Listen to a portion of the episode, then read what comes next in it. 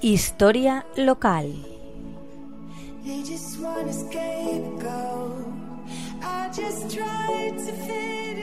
Buenas tardes, amigas y amigos de la Tegua Radio. Por fin me encuentro en Monóvar y nada más llegar, además de admirar los almendros en flor de esta querida tierra, asisto con satisfacción a la presentación del libro Bocetos de Mujeres, que ha organizado la Asociación de Estudios Monoveros. El acto tuvo lugar el viernes día 1 de febrero en el Cursal Fleta. Se trata de una reedición facsímil del libro que en 1916 publicaron Vicente Peñataro, Berenguer y Antonio Montoro Sanchís, dedicado a mujeres monoveras.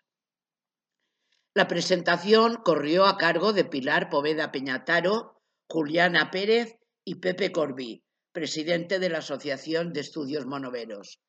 Recitó algunos poemas la actriz monovera Emma Caballero. Comenzamos de esta manera los actos culturales que tendrán lugar en este 2024, en que Monóvar se ha proclamado capital cultural de la comunidad valenciana.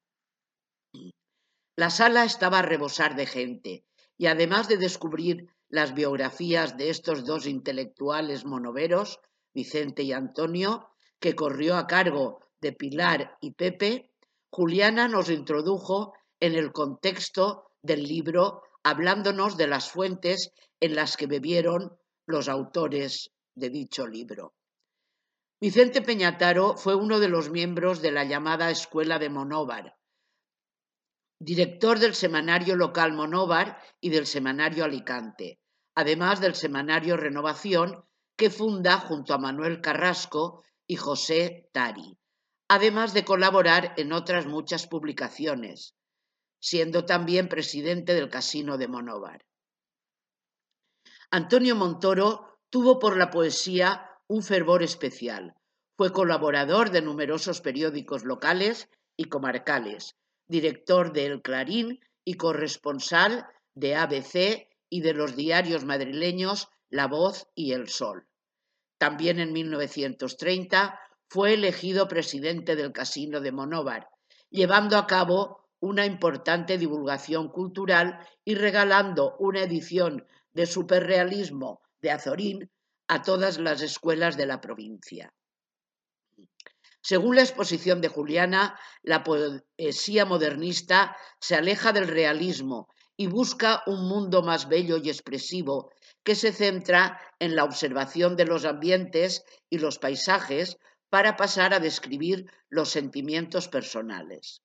Hay que destacar también el sensualismo y la idealización de la mujer y el amor.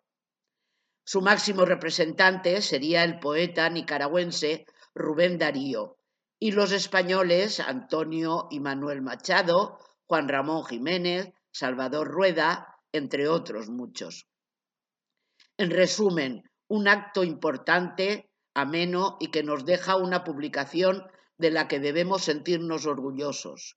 Y como se dice en su introducción, sea el libro tu gozo, por unas breves horas, como si fuera un mozo de miradas traidoras. Pues hasta la semana que viene, un saludo muy cordial.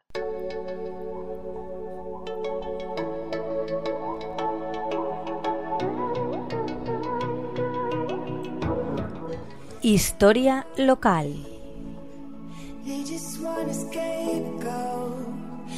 just try to fit in.